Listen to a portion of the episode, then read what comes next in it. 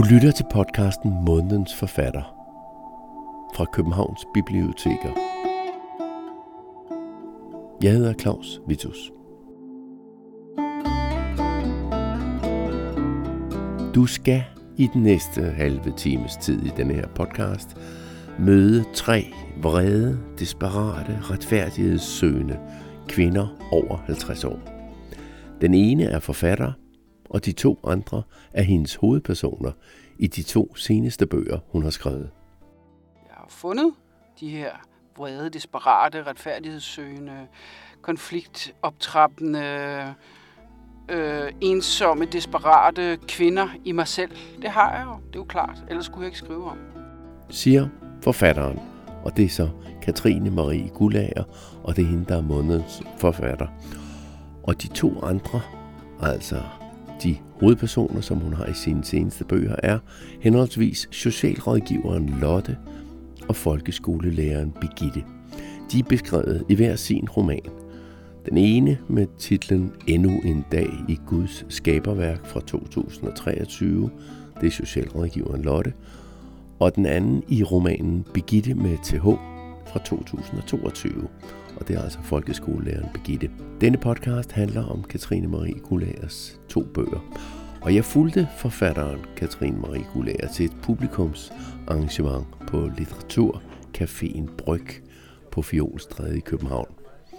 Denne her podcast, Månedens Forfatter, tager nemlig ofte udgangspunkt i et publikumsarrangement. De fleste af dem, som der tidligere har været i Månedens Forfatter, er på Hovedbiblioteket i København, men det er under ombygning lige for øjeblikket. Så jeg tog til litteraturaften på Bryg på Fjolstræde. Velkommen og god lytning.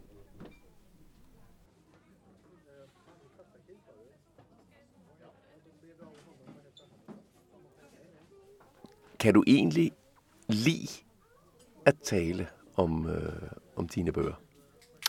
Ja, altså, jeg synes, det er øh, en fest at komme ud, øh, når jeg har skrevet en bog og komme ud til foredrag, for eksempel, hvor folk jo øh, spørger. Som, og, som bryg, øh, for eksempel? Ja, det plejer jeg synes er, er rigtig sjovt.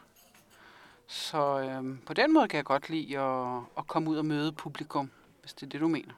Ja, det er det nemlig. Ja.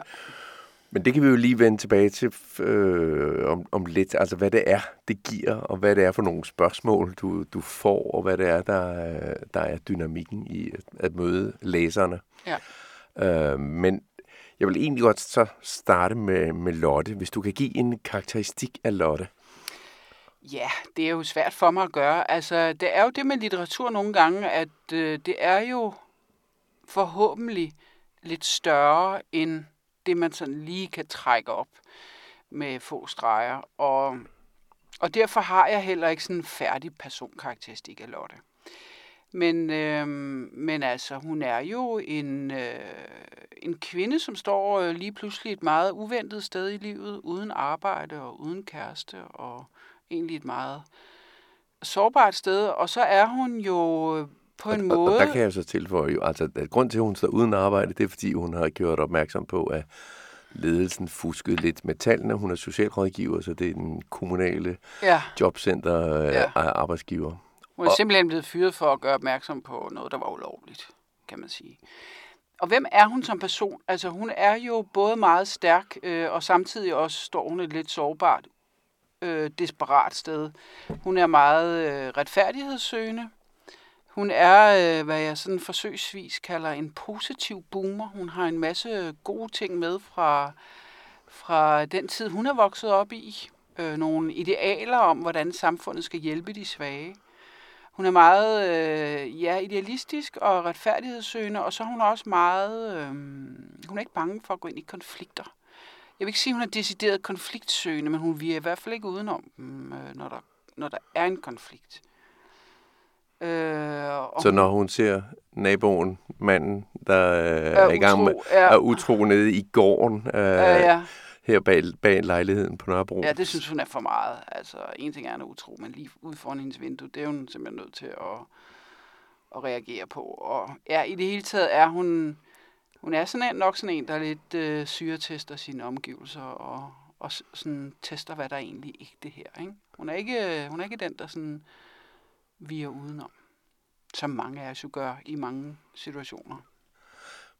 Og hun er jo så i virkeligheden lidt ufrivilligt ensom, tror jeg, du beskriver hende som, eller, eller hun selv mener, at hun er en af de ufrivillige ensomme.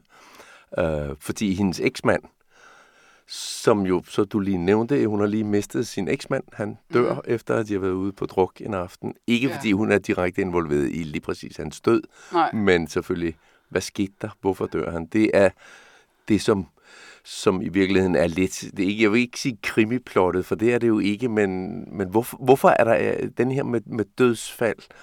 Uh, hvis man også tager den forrige Begitte med, med TH, det er også, starter også med et, et dødsfald. Det er som uh, en, Jamen det er ikke noget, jeg sidder sådan og udtænker helt intellektuelt, når her skal vi have et dødsfald, fordi det er simpelthen noget med, tror jeg, at øhm, af de her personer, altså, eller det jeg elsker ved de her kvinder, det er jo at tegne nogle portrætter øh, af nogle kvinder, og det gør jeg jo ved at sætte dem i nogle situationer, hvor tingene bliver sat på spidsen for dem. Øh, hvis de nu bare havde lige haft tid til at drikke en kop urte til og få fodmassage og sådan noget, så ville de jo ikke være træde så tydeligt frem for, som de gør. Det er jo fordi, at man øh, som romanforfatter sætter dem under pres. Og man sætter dem i nogle situationer, hvor de på en eller anden måde kommer til at vise, hvem de i virkeligheden er. Ikke? Øh, men, men hvorfor er øh, Lotte og Michael gået fra hinanden, og hvorfor øh, dør han? Altså, nogle af de ting er jo også en gåde for mig. Øh, når jeg sidder og skriver, så sidder jeg jo og lytter mig frem til, hvad det er, der er på ferie her. Og, og min øh, redaktør på Gyldendal har for eksempel spurgt, jamen, hvorfor kan du ikke forklare mig, Katrine, hvorfor er Lotte og Michael ikke sammen mere? Og der må jeg bare sige, at jeg har både spurgt Lotte og, og Michael, og man kan selvfølgelig ikke spørge Michael, fordi han er død, men, øh, men altså, jeg har og ikke deres, kunne komme... Og deres, deres øh, ikke fælles barn, for det er sådan set Michaels barn af første ægteskab, ja. men han er også en, en vigtig, væsentlig del. Det er han, men han ved ikke, hvorfor de ikke er sammen mere. Øhm, og ja, jeg har ikke fået noget klart svar, vil jeg sige. Men der bliver jo antydet forskellige muligheder, så kan læseren jo også selv konkludere, hvorfor de ikke er sammen mere. Men når du så bliver konfronteret med sådan nogle spørgsmål, for eksempel mm. ude til et publikumsarrangement mm. på, på Bryg eller øh, andre steder, dem laver du en del af også på biblioteker. Mm. Øh, hvad, hvad, hvad gør du så med, med alle de spørgsmål, som folk jo har om, hvorfor gjorde hun det, og hvorfor gør han det, og altså, som er ind til en handling og en, en, en færdig roman, som du jo har skrevet. Altså, mm, mm. Så du har vel skrevet Men det, der er jo det, mange der er åbne spørgsmål, og der er jo også mange, kan man sige, øh, altså de forbliver, der er jo også mange hemmeligheder i deres liv, ligesom der er det i vores andres liv. Vi kan jo heller ikke lave en færdig analyse af, af dig og dit liv, eller, eller mig og mit liv. Altså, der kan være nogle overskrifter og nogle scener og nogle vigtige begivenheder, men vi kan jo ikke lave sådan summa summarum. Eller det bliver i hvert fald hurtigt uinteressant. Så øh, jeg glider lidt af på spørgsmål, som bliver alt for sådan konkluderende. Altså, øh, og nogle gange er folk øh, kan også risikere, at de er sådan lidt dømmende. Nej, men Lotte, hun skulle da også bare tage og, og slappe lidt af, ikke? Altså, og, og der må folk, de må jo gøre, hvad de vil, men, øh, men jeg er jo ikke kommet i byen øh, som romanforfatter for at hverken øh, dømme eller, eller, eller ligesom lave færdige konklusioner på, på en romankarakter. Men du bliver jo så også nogle gange konfronteret med, med dig selv, altså hvor, hvor meget, hvor meget øh, øh Katrine er der i Begitte, eller hvor meget Katrine er der mm. i Lotte? Ja, det spørger folk altid om. Er det i virkeligheden ikke bare dig selv? Ikke? Og, og jo, det er det jo på en måde. Det er jo noget, jeg har fundet i mig selv. Jeg har fundet de her vrede, desperate, retfærdighedssøgende, konfliktoptrappende, øh, ensomme, desperate kvinder i mig selv. Det har jeg jo, det er jo klart. Ellers skulle jeg ikke skrive om dem. Men jeg har jo også fundet nogle af mine andre karakterer, øh, unge mænd, som er hensynsløse i deres jagt på penge og stemmer på Venstre og elsker Claus Riskær. Altså, sådan nogle har jeg også fundet. Så jeg er jo på den måde lidt som en skuespiller, der er nødt til at finde det i mig selv, men det er jo ikke 100% mig selv. Jeg er jo heller ikke øh, hverken folkeskolelærer eller socialrådgiver. Men jeg kender de konflikter nedenunder. Altså hvis man skulle, øhm, hvis man skulle tage Lotte for eksempel, så er nogle af de ting, som den her roman kredser om, det er jo lidt, hvor meget kan vi egentlig fortrænge? Hvor øh,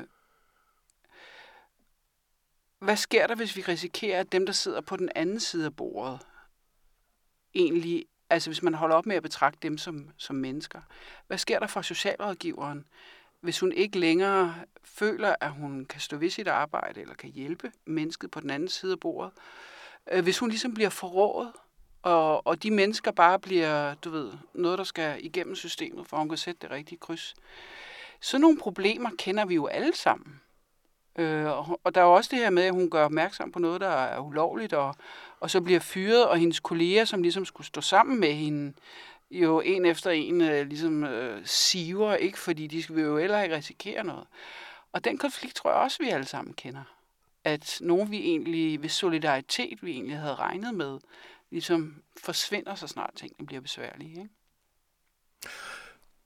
Nu nævner du, hun er jo socialrådgiver, og alle de her konflikter, øh, altså det er jo konflikter omkring tvangsfjernelse af børn, og, øh, og, og hele den del, det er jo i denne her øh, roman, i den forrige, Begitte med TH, var det mere folkeskole, øh, og, og de emner, som du tager op, er, er jo så samtidig så også noget, som, øh, som du rent faktisk laver podcast om for Gyldendal til med hvor, hvor du sidder og snakker med en folkeskolelærer, eller med den seneste her, altså med endnu en dag i Guds skaberværk, er det øh, socialrådgiver Sissi øh, Plov Pedersen, som du sidder og, som du har brugt. Øh, og, og hvordan kan det være, at, at, at du har sådan taget ind og gjort det her til et, Jamen, nu, det er ikke negativt ment, men altså et, et politisk projekt, hvor du sætter fokus på forskellige dele i velfærdssamfundet. Folkeskolen, øh, det her jobcenter, socialrådgiver, social øh, tvangsfjernelse og sådan nogle ting. Det er det, som jo kører igennem. Men det er jo fordi, at, øh, at jeg synes, det er, øh, og det har det været i mange af mine bøger, vigtigt at sætte det eksistentielle og personlige i forbindelse med det samfundsmæssige og dermed det politiske. Fordi en ting er, at vi har øh, dagligstuedramaet derhjemme. Vi lever jo også i et samfund, altså, som hele tiden påvirker dagligstuen. De mennesker, vi er, bliver jo hele tiden påvirket af, hvilket samfund vi lever i. Folkeskolelærerens arbejde er jo om noget farvet af det omgivende samfund og de politiske konflikter, der er, og de politiske valg, der bliver truffet.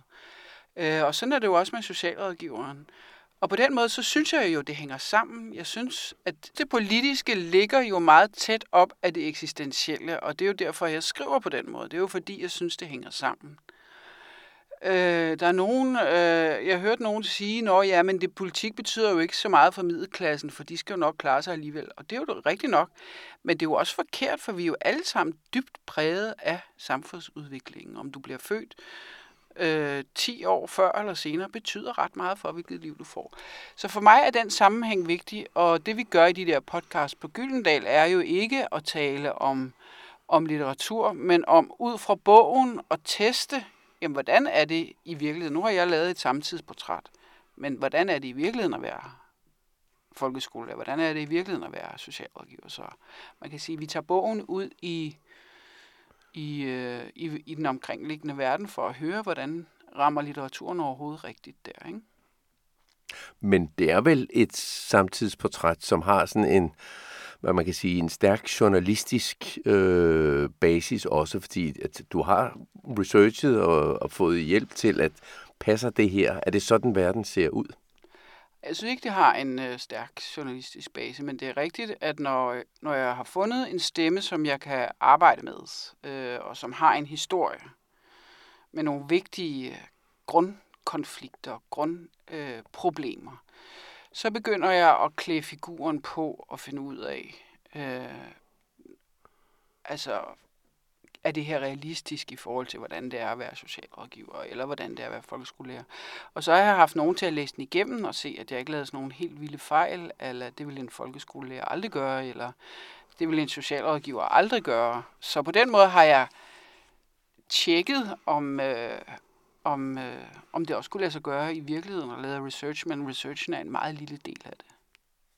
Men nu nævnte jeg hende her, øh, socialrådgiveren, som du også interviewer til de her Gyldendal podcast, som man kan finde og meget øh, og, og høre. Det er jo sådan en lange interview. Men, men hun bliver jo så også øh, stillet det spørgsmål af dig. Du er så intervieweren der. Ja. Øh, om, om der er noget, hun har bemærket. Og hun, der har du så i, i bogen beskrevet, der er tre grunde til, at man kan blive socialrådgiver. Den ene er, at man vil frelse verden. Den anden er, at man selv har problemer, altså at, at de problemer, man vil ud at løse, at i virkeligheden kommer fra ens eget liv. Og den tredje, den kan... Ja, man gerne vil have magt. Den er, at man gerne vil have, have magt. Og, ja. og det var hun jo lidt... Uh, det synes hun er lige lovligt hårdt Ja, men det må folk jo... Det er der andre socialrådgiver, der ikke vil mene. Altså, ja. Men, men får du feedback på den slags, og, og tænker, nå ok, der var måske lige firkantet nok, nok i min beskrivelse, eller tænker du bare, jamen fint, Nej, altså det, det mener jeg grundlæggende er det rigtige, øh, jeg har skrevet ud fra den socialrådgiver, jeg har lavet. Ja. Men de her to personer, Lotte og Begitte, som vi jo har snakket lidt om, Begitte fra Begitte med TH og Lotte fra Endnu en dag i Guds skaberværk, har de et, et, et liv videre i, øh, for der er jo en tredje bog også. Der er en tredje bog også, ja. Som kommer. Ja, med en øh, hovedperson, der hedder Helle, som er parterapeut. Og de har jo alle sammen nogle, øh, nogle fællesnævnere. Øh, og fællesnævneren er jo det her med, at jeg godt kan lide at prøve at lave de her portrætter af nogle hele kvinder. Øh, som er det hele. Både vrede og urimelige og sårbare og elskelige og alt muligt. Og, og så har de det til fælles, at de er over 50 og det synes jeg jo også er sjovt på den måde, at det, jeg synes, at den alder giver noget frihed. Man, er ikke længere, øh, man har ikke længere nogle af alle de udfordringer, man også skal løse som, som ungt menneske. Og man har heller ikke altid den samme motivation til at være lige så samarbejdsvillig, som man var, da man var ung. Og, og lige så, man er ikke lige så opsat på, at andre skal kunne lide en og få et eller andet stempel på, at man er god nok. Og der kommer ligesom sådan en frihed, synes jeg, efter de 50 og det er også det, jeg har kunne mærke i de her stemmer, at, at jeg vil gerne give dem sådan en uh, selvsamtale, hvor de får lov at, at gå planken ud og være dem, de egentlig er. Og så kan jeg jo godt altså være dem, de egentlig er. Det er jo selvfølgelig også lidt en kliché, men hvor de kan få lov at ligesom... Øh, ja, udtrykke alt det, de har lyst til at udtrykke, uden at jeg som forfatter skal sidde og, og redigere i dem. Øh, så jeg må også en gang imellem stoppe mig selv, hvis jeg øh, for eksempel meget med den første vipse fra bjørnen, øh, synes hun bandede meget. Jeg tænkte, kan du da ikke øh, tale pænt for pokker? Det er jo en roman, det her, ikke? Men det øh, kunne hun altså ikke. Så jeg må også ligesom øve lidt min, øh, min rummelighed i forhold til de her stemmer. Og det, det går ud på, er jo at, øh, at forsøge at skabe nogle, nogle mennesker, der er læseren opleves som ægte. Og simpelthen at, at give en stemme liv. Øh, og det er jo altid svært at vide, hvordan, hvordan kan det egentlig overhovedet lykkes. Det forstår jeg egentlig heller ikke selv helt. Men, øh, men det er jo det, jeg arbejder med. Men vil du også gerne have, at, at man kan, kan grine af dem? Altså, det, det, jeg har i hvert fald grint. Øh, jeg, Birgitte med TH blev jeg lidt irriteret på i første omgang, men da jeg så læste den anden gang, så, så okay, så kunne jeg bedre grine af hende. Det samme med, med, med nogle af de ting, Lotte gør. Altså, som, ah, hun er godt nok kort lunde over for nogle ting, men øh, ja, jeg vil gerne fritages for alt digital post. Ja. Sådan starter hele... hele ja, hun oplever det som tvang, at man skal have en telefon, ikke? Ja, ja. Og den, øh, den, hun var der træt af velfærdens digitale tyranni. Og sådan er det på side 1. Og der kunne man allerede, okay, så kan jeg godt se, hvem hun er, høre hende. Mm. Men altså, men stadigvæk, det er også ment, at man skal grine af dem. Det er der er noget satirisk. Det er jo ikke noget, jeg sidder og planlægger på den måde. Altså, det er ligesom en stemme, der bliver, der bliver født, og, øhm, og Lottes stemme, og Begittes også, de er jo stemmer, der er kompromilløse, og de er kantede, og de er lidt satiriske, og de er også selvironiske, og de er også sjove, og, og de er alle mulige. Det skal jo også, altså hvis det skal være en interessant stemme, så skal den jo også kunne rumme mange forskellige øh, stillejer, kan man sige, ikke? Fremkalde alle mulige forskellige følelser. Men jo, de er også sjove, og de er, de er, øh, føler jeg selv, lidt af det hele.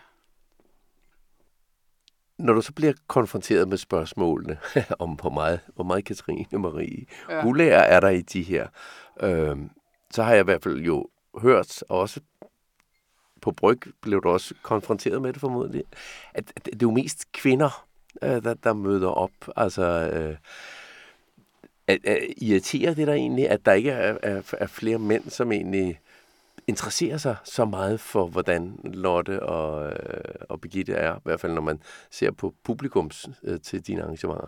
Nej, det, øh, det må jeg indrømme, det tager jeg fuldstændig roligt. Øhm, der er jo i det hele taget, hvad enten man har mænd eller kvinder som hovedkarakter, så er der jo nok flest kvindelige læsere. I hvert fald kv- flest kvinder, der møder op til sådan nogle arrangementer. Øh, det er ikke noget, jeg tager personligt på nogen måde. Det her handler jo egentlig, altså jeg kunne også godt skrive øh, nogle mandeportrætter. Jeg kunne sagtens skrive nogle portrætter af nogle halshue gamle mænd, der, øh, dem, dem der var vi. desperate. Dem, dem findes der så nogle stykker i allerede, ikke? Men, øh, men det kunne man også, altså på den måde er det ikke nogen øh, mission for mig, at, øh, at det skal være kvinder. Men nu er det så kvinder, og derfor så går jeg ind i det med liv og sjæl. Jeg vil godt have noget oplæsning med også øh, her. Også ud over oplæsning, godt vide, hvad, hvis, du, hvis der nu skal lægges et eller andet blødt, blidt øh, eller hårdt kantet musik under. Fordi der er jo meget musik i øh, endnu en dag i Guds skaberværk. Der er Johnny Cash nok mest, øh, især hans St. Quentin, hans fængselsplade fra slut 60'erne, men der er også lige lidt Chris Christofferson og noget Dolly Parton, øh, blandet også med Kim Larsen citater. Mm, mm. Men, men øh, vil det være ok at, at i virkeligheden kombinere noget øh, oplæsning med noget country i baggrunden? Det synes jeg. Altså, jeg synes Lotte, hun, hun er på en eller anden måde forbundet med noget countrymusik.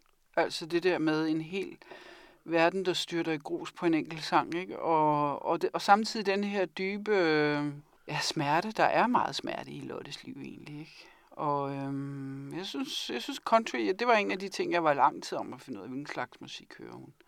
Jeg tror godt, hun kan lide øh, Johnny Cash, og, og det kunne man sagtens spille. Øhm, ja. Jeg finder noget Johnny, hvor vi ja. ikke nødvendigvis hører ja. Johnny nedenunder, så ja. man er i hvert fald bare til lige at introducere. Ja, og men så er hun jo gammel besætter, så jeg overvejede også om, øh, hvad hørte gamle besætter? De hørte sådan noget punk eller et eller andet. Jeg spurgte også en, øh, en gammel besætter, hvad hørte de egentlig dengang? Men det var ligesom om, det, det passede heller ikke rigtigt til en, så jeg synes faktisk, country er det, der passer bedst.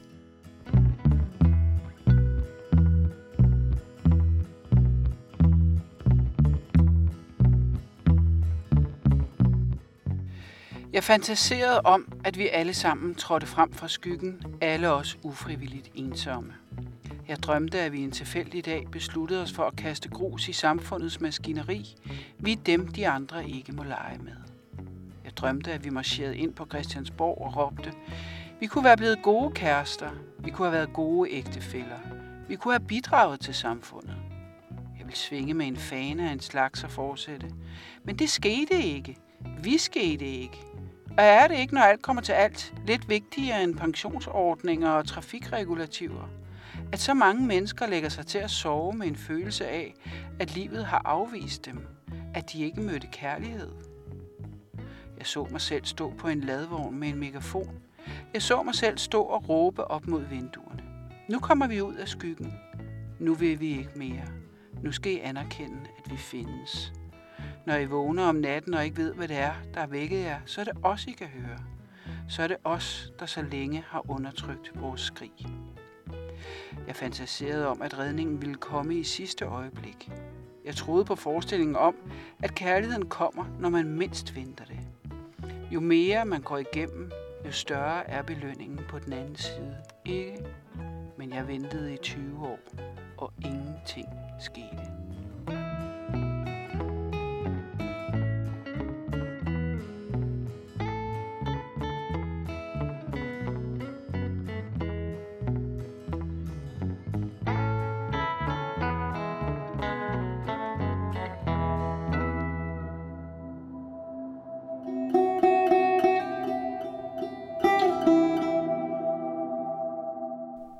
Og sådan her slutter podcasten med oplæsning fra endnu en dag i Guds skaberværk om Lotte.